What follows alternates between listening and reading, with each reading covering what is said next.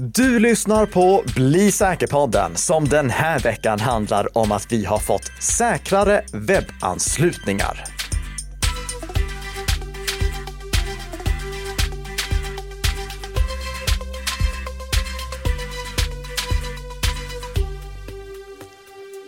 Google har gjort det igen kan man säga. Mm, Google har ryckt upp sig lite med sin Chrome-webbläsare. Det är en av de sakerna som vi kommer till i veckans huvudämne. Men ni vet, innan vi går in på veckans huvudämnen så har vi lite snabbisar och vi har dessutom lite uppföljning att bjuda på idag, som är vilken dag?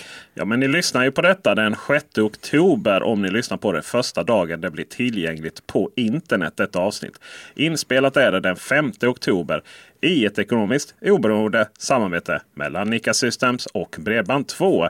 Och vi ska börja med uppföljningar som gäller chattkontroll 2.0. Här brukar Karl Nika säga att det är okej okay att spola fram och det är kapitelindelat. Men jag tycker det är ju inte okej okay att spola fram eh, i detta. För detta är så himla viktigt. För ändamålsskjutningen har liksom redan börjat. Eller förskjutningen förlåt, ja. har ju redan börjat innan ens chattkontroll har blivit ett, ett konkret förslag. Då. Ja, vem hade kunnat tro att eh, liksom chattkontroll 2.0-tekniken skulle användas för något annat än att eh, övervaka förövare som försöker förbryta sig digitalt på barn? Ja, det är eh, Investigative Journalism for EU som har publicerat ytterligare en artikel där de publicerar ett dokument som eh, har kommit från eh, något internt möte hos Europol. Och där kan vi konstatera att Europol, de eh, vill använda den här tekniken för andra saker också. Eh, de skriver så här, eh, namnet på personen som har sagt just det här citatet, det är maskerat, men vi vet att det är en Europol official enligt beskrivningen. Och det står så här, citat på engelska. He mentioned that there are other crime areas that would benefit from detection and suggested that these could be included. Slutcitat. Alltså den här eh, representanten för Europol tyckte att eh, tekniken borde kunna användas för att bekämpa fler typer av brott än bara digitala övergrepp mot barn. Och eh, sen står det också så här, citat på engelska. He also mentioned that all data is useful and should be passed on to law enforcement. There should be no filtering by the EU center because even an innocent image might contain information that could at some point be useful to law enforcement. Slutcitat. Alltså att ja, all den information som samlas in via den här sidokanalsläckan ska skickas vidare till brottsbekämpande myndigheter för att de kanske någon gång har nytta av den.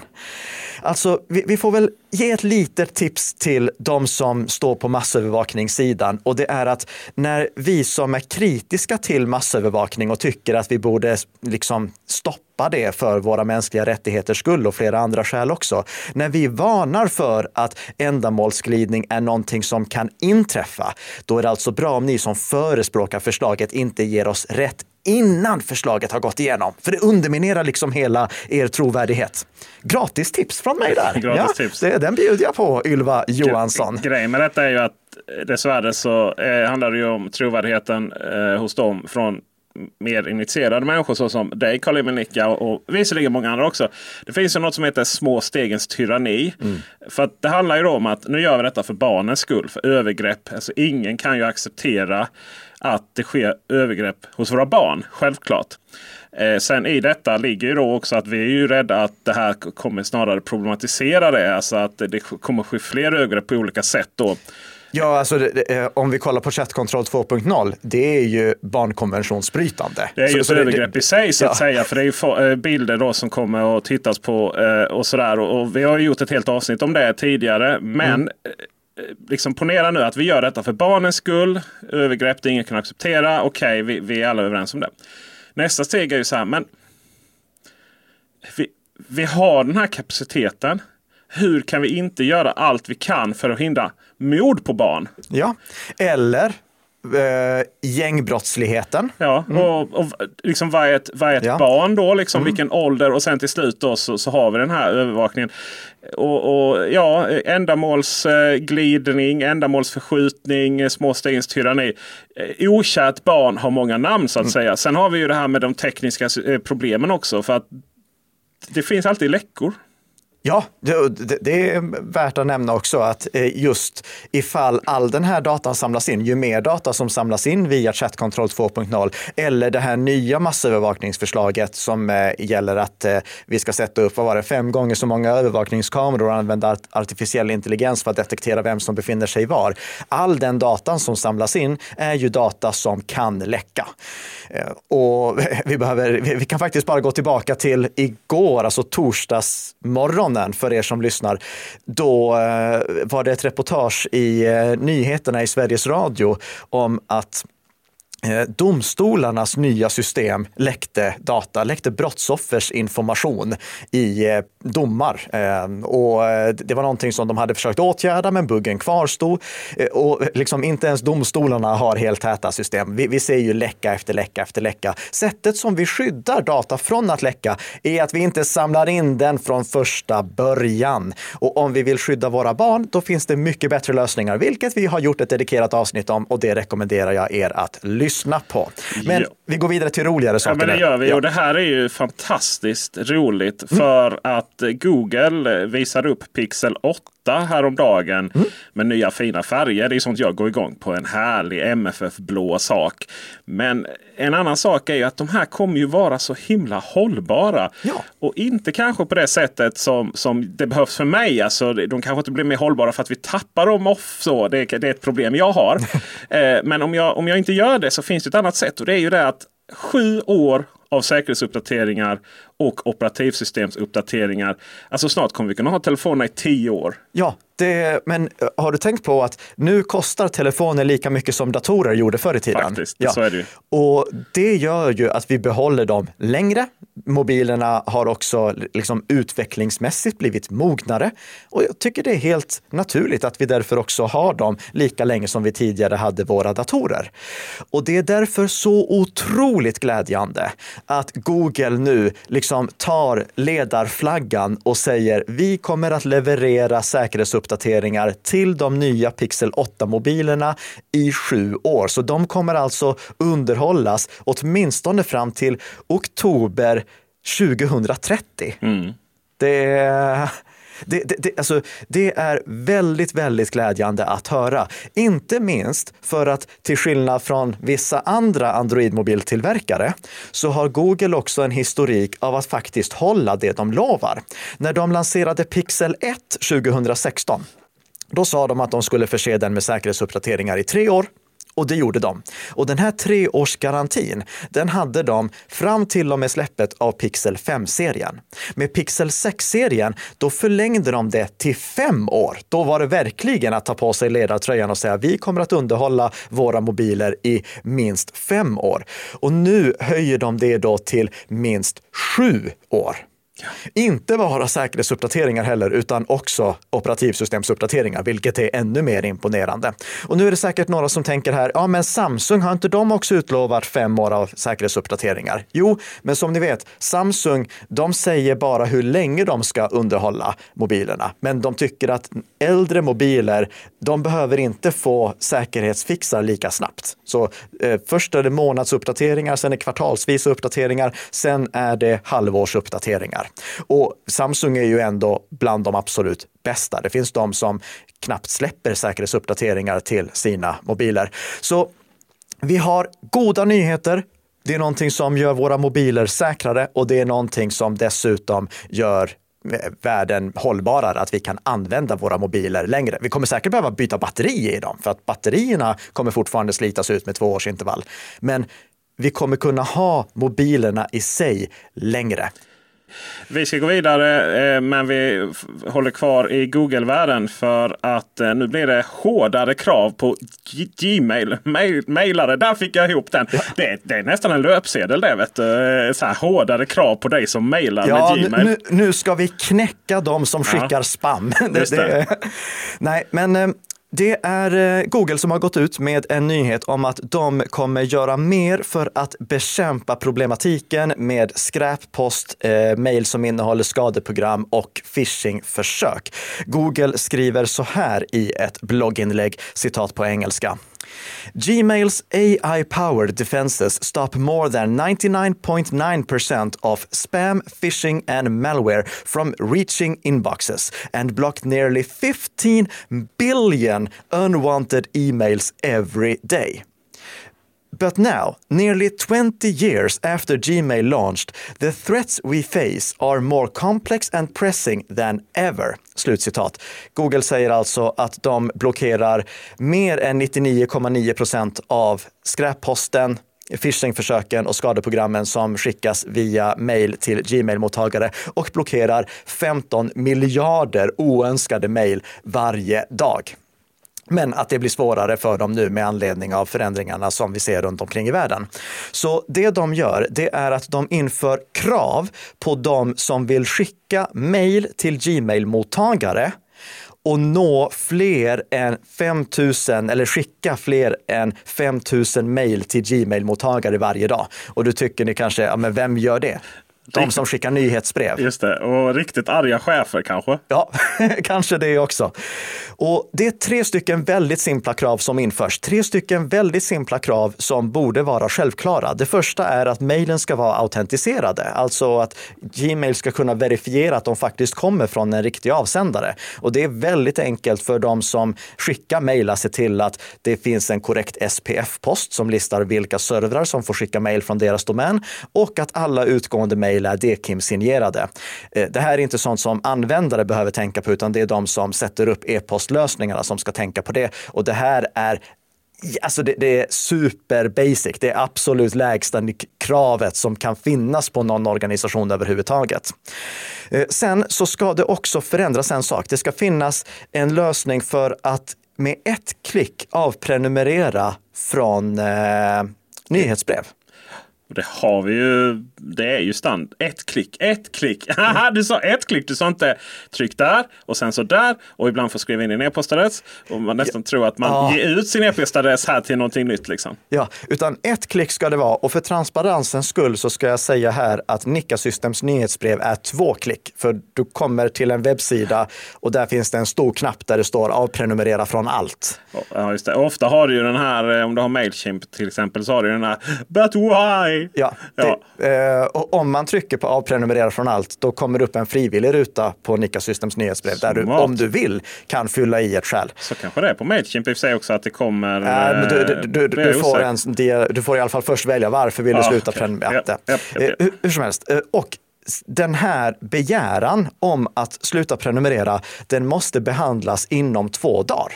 Och det tycker jag är ett väldigt bra tillägg för att det finns många som skickar nyhetsbrev från väldigt dåliga nyhetsbrevssystem som gör att om den som skickar nyhetsbreven har köat upp en mängd nyhetsbrev till en viss mottagare, då skickas de nyhetsbreven i alla fall. Även om den som prenumererar har sagt nej, jag vill inte ha fler nyhetsbrev. Det här är ju någonstans så känns det som att eh, varför finns det alla de här spam? Allting hamnar ju redan i spamkorgen och läses aldrig. Liksom.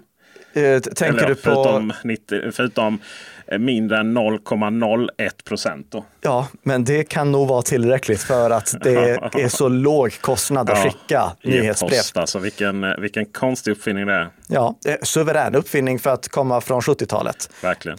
Eh, och, och de inför en ny spamtröskel också, alltså ett värde för hur pass mycket som nyhetsbrev får skräppost rapporteras. Så eh, jag får bara säga bra nya krav. De här börjar gälla den, eh, i februari 2024, så det finns lite ja. tid på sig nice. att fixa sig. Tacksamt. Ja, teknik ifrån 70-talet. Det är inte konstigt att det kan ske mycket bedrägerier där via mail. Nej. Tänkte man ju att det berodde där på. Men vi har ju ny teknik som också har det här problemet. Låt oss prata om skadliga annonser i Bing Chat. Ja, Bing Chat, eh, det är ju det häftiga sättet att interagera med eh, Bing, att ställa frågor till Bing istället för att bara göra sökningar. Men problem som Bing och Google drogs med eller dras med när det gäller det vanliga sökresultatet har vi nu då också, eller rättare sagt Malwarebytes har nu också hittat i Bing Chat. Eh, Först lite bakgrundsinformation. Vi har pratat tidigare om problematiken med att när du söker efter ett eh, program till exempel, eller en app ja. på Google eller Bing, då får du ett sökresultat där du överst troligtvis har annonser som ser nästan ut som riktiga sökresultat, men i själva verket är annonser. Nästan hela första sidan numera. Ja.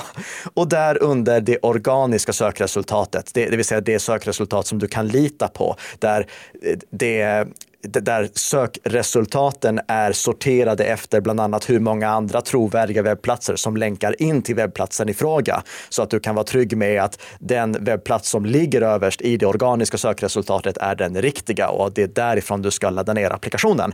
Men så är det ju inte med de här annonserna längst upp, för där har vi sett allt för många gånger att det har legat annonser som tagit besökaren till en klonad version av den riktiga webbplatsen och där spridit ett skadeprogram eller en trojanpreparerad version av det riktiga programmet så att när användaren har installerat programmet, då har användaren blivit infekterad. Eller som det värsta exemplet jag har varit med om hittills, det var när Google släppte igenom en annons som såg ut att vara för webbhallen och som stod i liksom domänen som visades för sökresultatet att ledde till webbhallen.com men som i själva verket ledde till en helt annan webbplats där det var någon typ av bedrägeri. Jag kommer inte ihåg exakt vad det var. Det dök upp någon sån här lotterisnurra som ja. du skulle trycka på.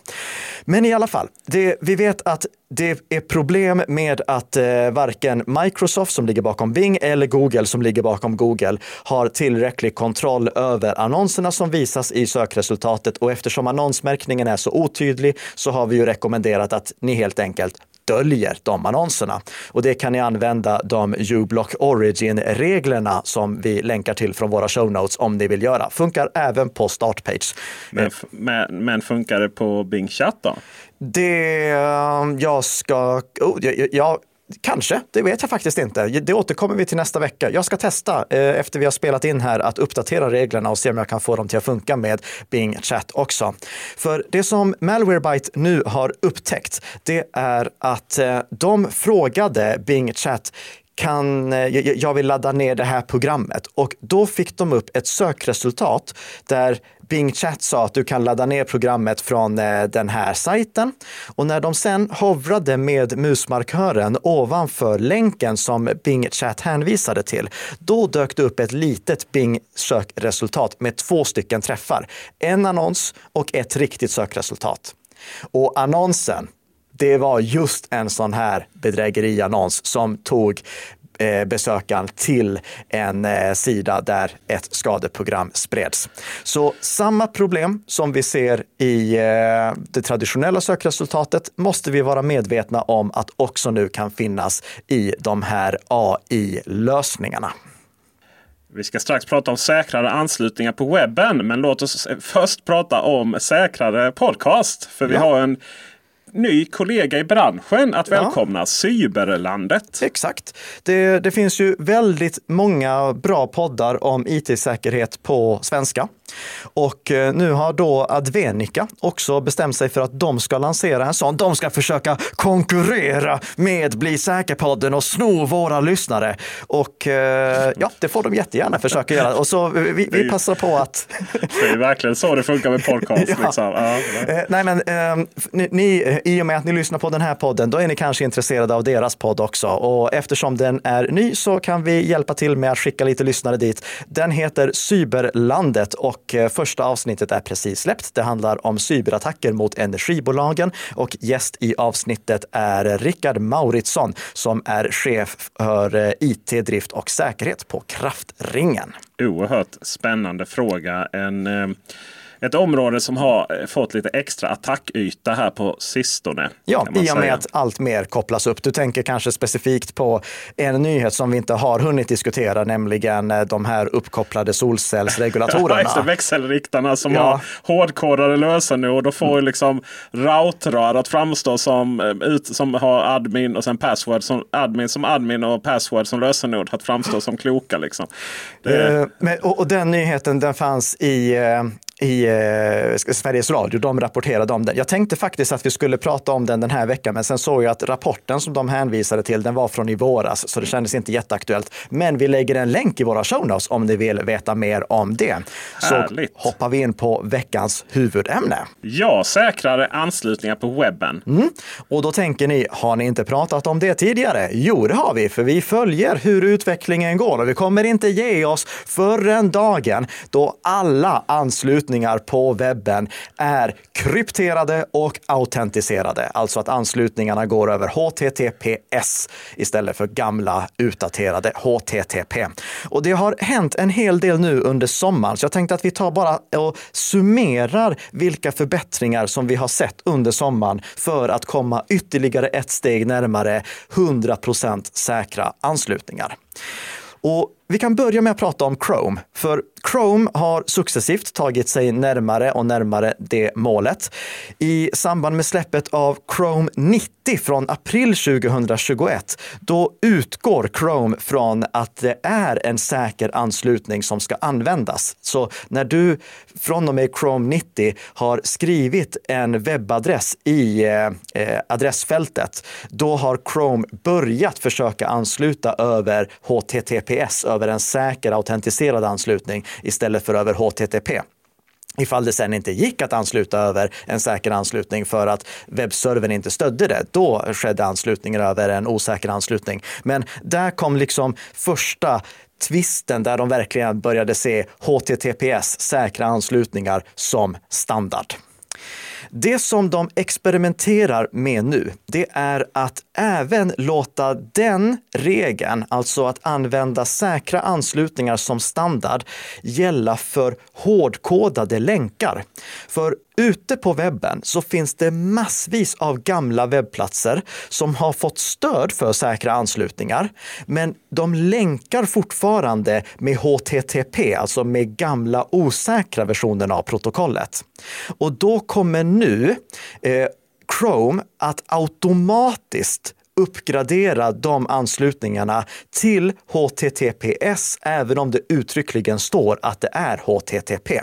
Eh, sen så kommer självfallet en osäker HTTP anslutning upprättas ifall det inte går att upprätta en säker anslutning. Men det är liksom ytterligare ett steg mot att se säkra HTTPS-anslutningar som standard. Och det här var någonting som de började experimentera med i Chrome version 115. Vi är ju framme på 117 nu. Eh, men det var i 115 de började experimentera med det och då sa de att de citat plan to roll out the feature to everyone soon. Alltså snart eh, rulla ut det här till alla. Och sen i mitten av september, då började de med en sak till. Eh, tidigare så har Chrome förbjudit det som kallas mixed downloads och det är alltså att du går till en webbplats över en säker anslutning. Men sen försöker ladda ner en fil över en osäker anslutning. Alltså webbplatsen eller webbsidan säger ladda ner det här över en osäker anslutning. Och det vill du självfallet inte göra, för då skulle en angripare i värsta fall kunna byta ut filen som laddas ner utan att du märker det. Eh, därför visas en varning eh, ifall eh, du försöker göra en sån sak. Det som Google började rulla ut nu i mitten av september, det var att också visa den här varningen oavsett om du har besökt en säker, eh, besökt webbplatsen över en säker anslutning eller inte. Så att du alltid ser den där varningen om du försöker ladda ner någonting över en osäker anslutning. Och då inte en bild eller ett videoklipp utan någonting som skulle kunna vara skadligt. Eh, typ ett program eller någonting sånt.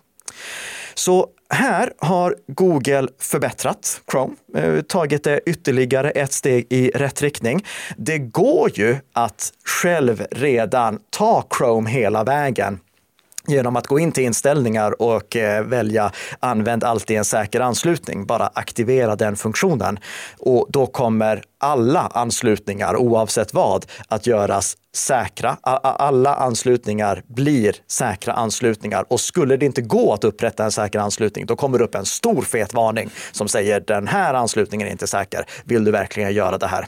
Och jag har aktiverat den funktionen, men minns du att när vi pratade om det här senast, då var jag lite skeptisk till att alla skulle aktivera den. Du var ju det. Ja, och varför var jag det? Jo, för att det finns fortfarande för många sådana här redirect-kedjor som är utvecklade av någon som inte riktigt riktigt har tänkt hela vägen, som gör att när en besökare klickar till exempel på en länk i ett mejl som går via en trackingtjänst för att spåra användaren, då har inte trackingtjänsten ett korrekt utfärdat certifikat, vilket gör att när besökaren försöker gå till den där sidan, då får besökaren upp en varning som säger oh, det här är inte en säker anslutning, vill du verkligen fortsätta? Och eftersom det fortfarande är så pass vanligt så är jag lite restriktiv med att säga åt alla att aktivera den funktionen. För risken är att det då blir för mycket vargen kommer.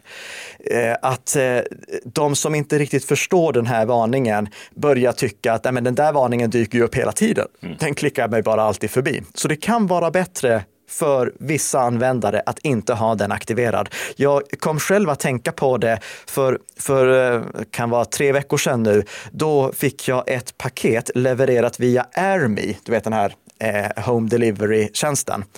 Och eh, när jag eh, skulle klicka för att se var paketet befann sig, då skickades jag till adressen url2381.airme.com som inte stödde säkra anslutningar. Så då fick jag upp en varning. Vill du fortsätta? Och då, då, är det ju lite problematiskt för att det är ju mycket sådana här scam runt just leveranser. Ja. Och då har ju folk lärt sig att man inte ska klicka den. Och så bara känner man att ah, det här är nog okej. Okay. Och ja. så bara klick. Nej, det var det inte. Mm. Eh, om jag klickade mig vidare där, då kom jag till en adress som låg på erm.ii. Och den stödde inte heller säkra anslutningar. Så då fick jag upp den varning igen. Och sen klickar jag mig vidare och då kommer jag till Ermis riktiga webbplats. Givetvis borde jag själv ha uppsökt Ermis webbplats och skrivit in trackingnumret, men nej, jag ville ändå liksom testa det här för att se hur det fungerade. Så två stycken varningar för att kunna se vad det var, eh, var paketet egentligen befann sig. Eh, det är inte helt lyckat för den stora allmänheten. Nej, och det är framförallt är det inte lyckat för Ermi, för det är en ganska ny tjänst. Ja, det är ju jättepinsamt för dem att bli uthängda här i Bli säker på den för att de inte har eh, fixat det. Men Sen finns det en sak till gällande Chrome som inte har hänt än så länge.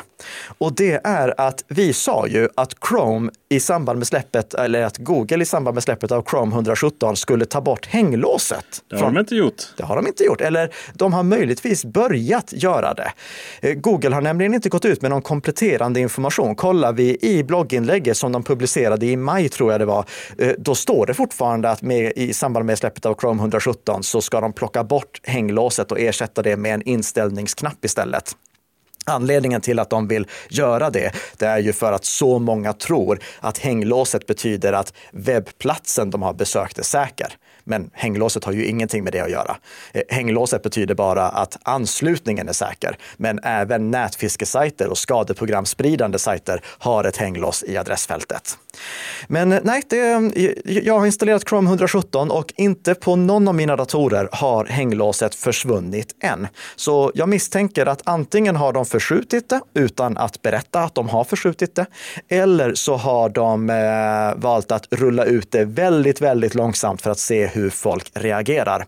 Men alla de funktioner som jag har nämnt nu, de går att aktivera i förväg genom att eh, gå in i Chromes flagg inställningar. Där kan man ju aktivera funktioner som inte är utrullade på bred front än om man vill vara lite av en pionjär. Instruktioner för det här ligger såklart i våra show notes, men det är eh, fyra stycken inställningar som ska ändras där i flaggorna ifall man vill ha alla de här nya funktionerna och då samtidigt få det nya utseendet. Eh, för Chrome har ju fått ett lite uppfräschat utseende. Det är därför en av flaggorna heter Chrome Web UI Refresh 2023. Så en, en liten uppfräschning där. Till det. det var inte marknadsteamet som var inblandade i det namnet kan Nej. man säga. Eh, och egentligen så tror jag att det heter Material 3. Ja, det. eh, det, där har marknadsteamet varit inne. Verkligen. Men sen, sen har vi också lite nytt på Firefox-sidan. Eh, Firefox, eh, de eh, kommer nämligen att byta en sak i adressfältet de också. De kommer byta huruvida det står HTTPS eller huruvida det står HTTP. Och det där kanske kan låta konstigt, men så som det är idag, då visar Firefox bara vilket protokoll det är om du går till en webbsida över en säker anslutning. Och protokollet är alltså antingen HTTPS eller HTTP. Om det är en säker anslutning, då står det HTTPS som en liten inledning på adressen i Firefox. Om du ansluter över gamla HTTP, vilket du i princip aldrig gör, då står det ingenting. Firefox kommer i samband med släppet av nästa version att byta. Så då skriver de ingenting. De skriver inte vilket protokollet är om det är en säker anslutning. Men om det är en osäker anslutning, då står det HTTP kolon snedstreck snedstreck. Och det är ju egentligen ganska naturligt. Det, det, varför skulle du behöva visa att det är HTTPS när det är det som du i princip alltid använder? Så eh, där ändrar Firefox lite också. Firefox har även den här funktionen som vi pratade om tidigare, att endast tillåta HTTPS-anslutningar som ni kan aktivera från Firefox inställningar om ni känner för det. Men det är såklart upp till er och om ni tycker att det är praktiskt eller inte. Jag tycker det är praktiskt, men det betyder inte att ni behöver tycka att det är det. Men en vacker dag då kommer det vara standard överallt. Då kommer det att dyka upp varningar om en webbplats försöker låta dig upprätta en anslutning utan att den görs tryggt och säker. Lika tryggt och säkert som det blir för dig när du varje vecka prenumererar på Bli säker-podden. Och om du gör det, då får du redan nästa vecka, på fredag närmare bestämt, ett nytt avsnitt som gör dig lite säkrare för varje vecka som går. Tack för att du har lyssnat!